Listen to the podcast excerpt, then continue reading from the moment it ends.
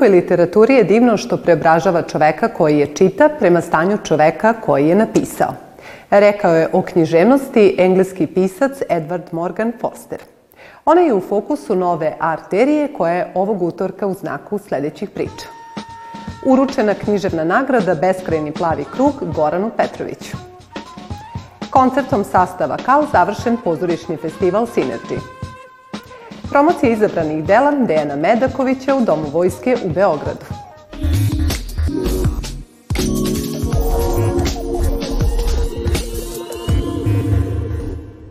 U želji da se nagrađivanjem književnih dela objavljenih na srpskom jeziku da podstreka razvoju naše književnosti, Matica Srpska je 2019. godine ustanovila godišnje književno priznanje Beskrajni plavi krug za najbolji roman napisan na srpskom jeziku. Ova nagrada dodeljuje se u okviru manifestacije Dani Miloša Crnjanskog, ove godine uručena je piscu Goranu Petroviću za roman Ikonostas. Dobrodošli u našu emisiju. Hvala. Sa kakvim osjećanjem ste primili nagradu koju dodeljuje jedna od naših najuglednijih kulturnih institucija? S velikim uzbuđenjem, kao što sam sigurno ko zna koliko puta rekao, ja smatram da je moj početak zapravo ovde u Matice Srpskoj. Iako to nije bila prva knjiga koja je izašla, prva je izašla u književnoj omladini Srbije, druga knjiga Atlas opisa nebom je izašla u izdanju Matice Srpske i urednica je bila Judita Šalo, koja nažalost više nije sa nama to je bilo veliko uzbuđenje. Moje prvo knjižano veče ili prvo veliko knjižano veče je bilo u Matici Srpskoj. Ikonostas predstavlja univerzum alegoričnih pripovesti čija se radnja raspliće od srednjeg veka do dana koje smatramo našim. Koje sve istorijske događaje prati? Reč je zapravo o ciklusu romana koje se ja zamislio da se mogu čitati nezavisno, e, ali da i svi zajedno čine u određenu celinu, e, da se mogu čitati redom koji neće, ne mora biti red objavljivanja, dakle red koji, koji ovaj, stiže do, do čitaoca, a svi oni e, imaju jedan nadnaslov, roman Delta, i kao i u svakoj delti, odnosno u svakom slivu, u svakom toku romana ima onih reka koje su velike, onih reka koje su manje velike, one koje su brze, one koje su e, tihe. Tako i, i, i ovaj, u ovom ciklusu, ciklusu romana Delta, e, se pojavljuju manje obimni romani. Jedan od tih manje obimnih romana, mada ne tako malo obiman je roman Ikonostas. Tačnije rečeno Ikonostas sveg poznatog sveta. Ja sam nekoliko puta rekao zapravo da se priča ponaša kao voda. Ona svuda ovaj, proputi, nađe svoj put. E, tako da e, će i ovi romani biti takvi.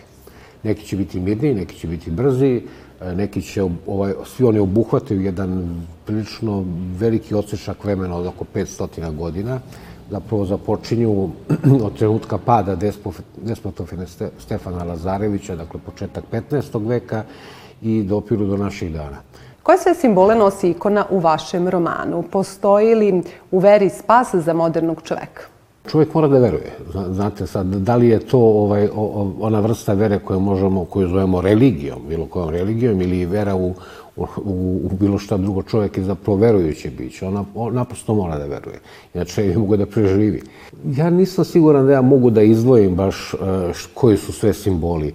Za pisa je najvažnije ono što piše. Ja, ja mogu, mogu više da vam pričam onome što sam pisao juče ili prekjuče nego onome što je napisano pre nekoliko godina zapravo. I to su ovo romani koji su nastali skoro 20 godina. Ne kažem za ovaj roman da je nastao 20 godina, ali su svi oni nastali 20 godina. Oni se zapravo bave jednom e, temom koju, može, koju bih mogao da svedem u rečenicu da nas vrlo često čini više ono što nemamo nego ono što imamo. Te tako i pisa e, čini više ono što nema, dakle roman koji još nije završio nego ovaj koji, koji ima, koji je već objavljen. E, taj roman je zapravo već u rukama čitalaca i on je više vlasništvo čitalaca nego, nego pisa. Ja više ništa ne mogu tu da menjam. Hvala vam na izdvojenom vremenu. Hvala vama.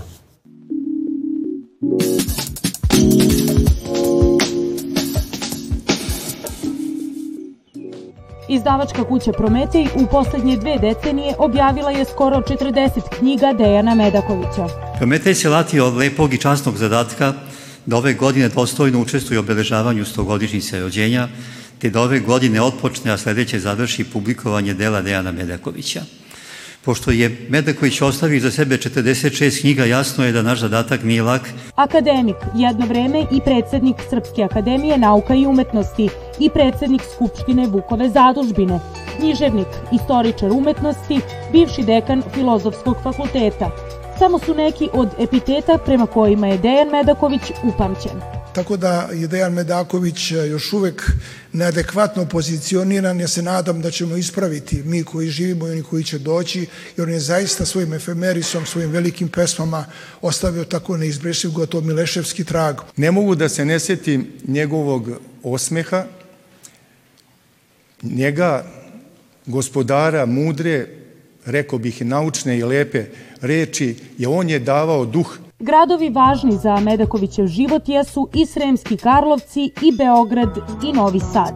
Povodom stogodišnjice rođenja akademika Dejana Medakovića, Prometej obnavlja najznačajnije knjige i predstavlja 17 naslova objavljenih u ovoj godini.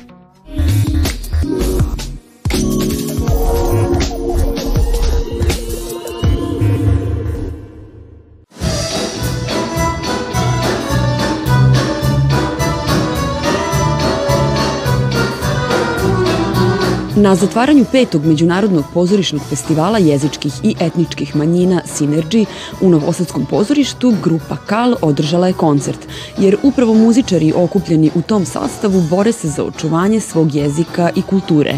Naime, njihova muzika čista je estetika mola, zato ne čudi što su zapadni muzički kritičari stil koji je romska grupa KAL unela u naše živote nazvali rock and roma ili gypsy rockabilly.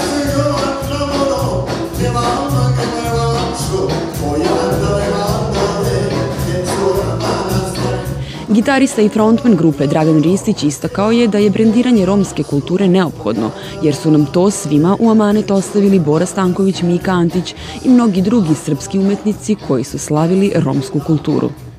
Ja bih rekao da je to prvo, pre svega, da je romska muzika muzika poniženih i potlačenih.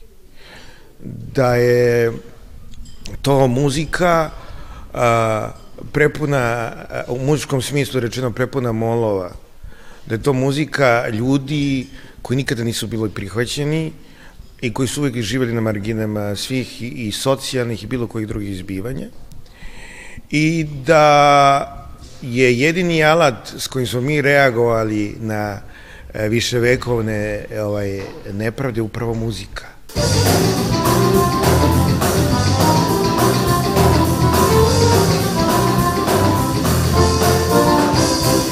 Eklektični ritam nastao kombinacijom muzike Zapadnog Balkana sa swingom, džezom, bluzom, popom donosi jedan sasvim novi originalan zvuk od prvog do poslednjeg akorda. Grupa koja spaja balkanski stil i romski ritam nastala je 1996. godine, a od tada imala je nastupe na preko hiljadu koncerata u inostranstvu i učestvovala na svim značajnim evropskim festivalima.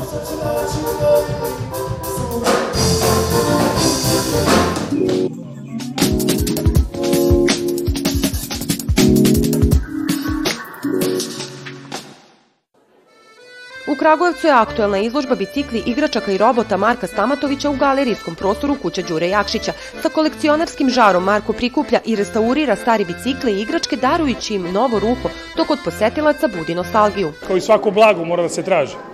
Ovo je, bilo ih je, onako što kaže, tražili smo četiri godine. Ali ovaj, što se tiče bicikala, u stvari cela izložba je sad ceo, ceo težište je u stvari na dečim stvarima. Znači, ono, tricikli, igračke, ovaj, mede, roboti stari. Hteli smo da zamiriše na staro. Hteli smo da zamiriše na muzej, da ljudi steknu osjećaj kako u stvari bi to trebalo da izgleda. Izloženi bicikle i igračke predstavljaju samo 20% bogate kolekcije. Jedna od igrački potiče iz prvih godina 20. veka, dok je najstariji bicikl iz 1938. godine. Ima svega od lokomotiva, aviona, tenkova, kamiona, automobila, ne znam, sitnih igračaka kao što su ono, ne znam, sitne figurice koje se kreću na navijanje, verite mi, ono, svemirskih igračaka, bukvalno iz doba kad je bila svemirska trka kad je bila. Ideja je da Muzej bicikala i pop kulture 20 sola dobije stalni galerijski prostor u Kragujevcu, čime bi postao jedina izložbena postavka ovakvog tipa u Evropi.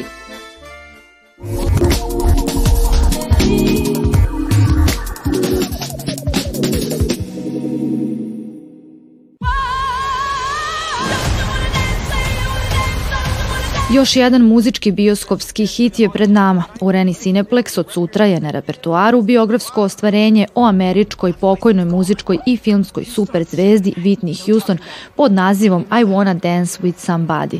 Nazvan po njenoj hit pesmi, scenario potpisuje Anthony McCarten, koji je i producent zajedno sa fondacijom Whitney Houston predvođenom Patty Houston. Stella Megi, direktorka fotografije, režirala je biografiju koja donosi voljenu legendu na način na koji je nikada nismo videli duhovitu, uzbudljivu, složenu i neverovatno ljudsku. Očekivanja su da će I Wanna Dance With Somebody biti vrhunsko slavlje Vitninog, neverovatnog životnog i muzičkog dostignuća. Biografski film sniman od avgusta do decembra prošle godine u Massachusettsu i Njujorku prvi je autorizovani film o životu pop ikone i glumice neverovatnog glasa koju su zvali Glas Amerike, a koja je tragično preminula 2012. godine, koji će sadržati neke od njenih hit pesama. Javnosti je otkriveno da će film istražiti njeno životno putovanje od detinstva u New Jerseyu do muzičke superzvezde i da će biti vrlo jasan u istraživanju cene koju je Houston platila time što je postala svetska muzička dama. Takođe se neće umanjiti žalost njene tragične smrti. S obzirom na one koji su uključeni u film, I Wanna Dance With Somebody ima potencijal da bude još jedan muzički filmski hit poput Boemske rapsodije i Rocketmana. Ipak veliki deo uspeha filma verovatno će pasti na pleća glumice Naomi Eki koja tumači lik slavne Whitney Houston. Bilo je to sve za ovo izdanje Arterije. Sa novim pričama iz sveta kulture i umetnosti čekamo vas već sutra u dobro poznatom terminu od 22.35 na našem prvom programu. Doviđenja.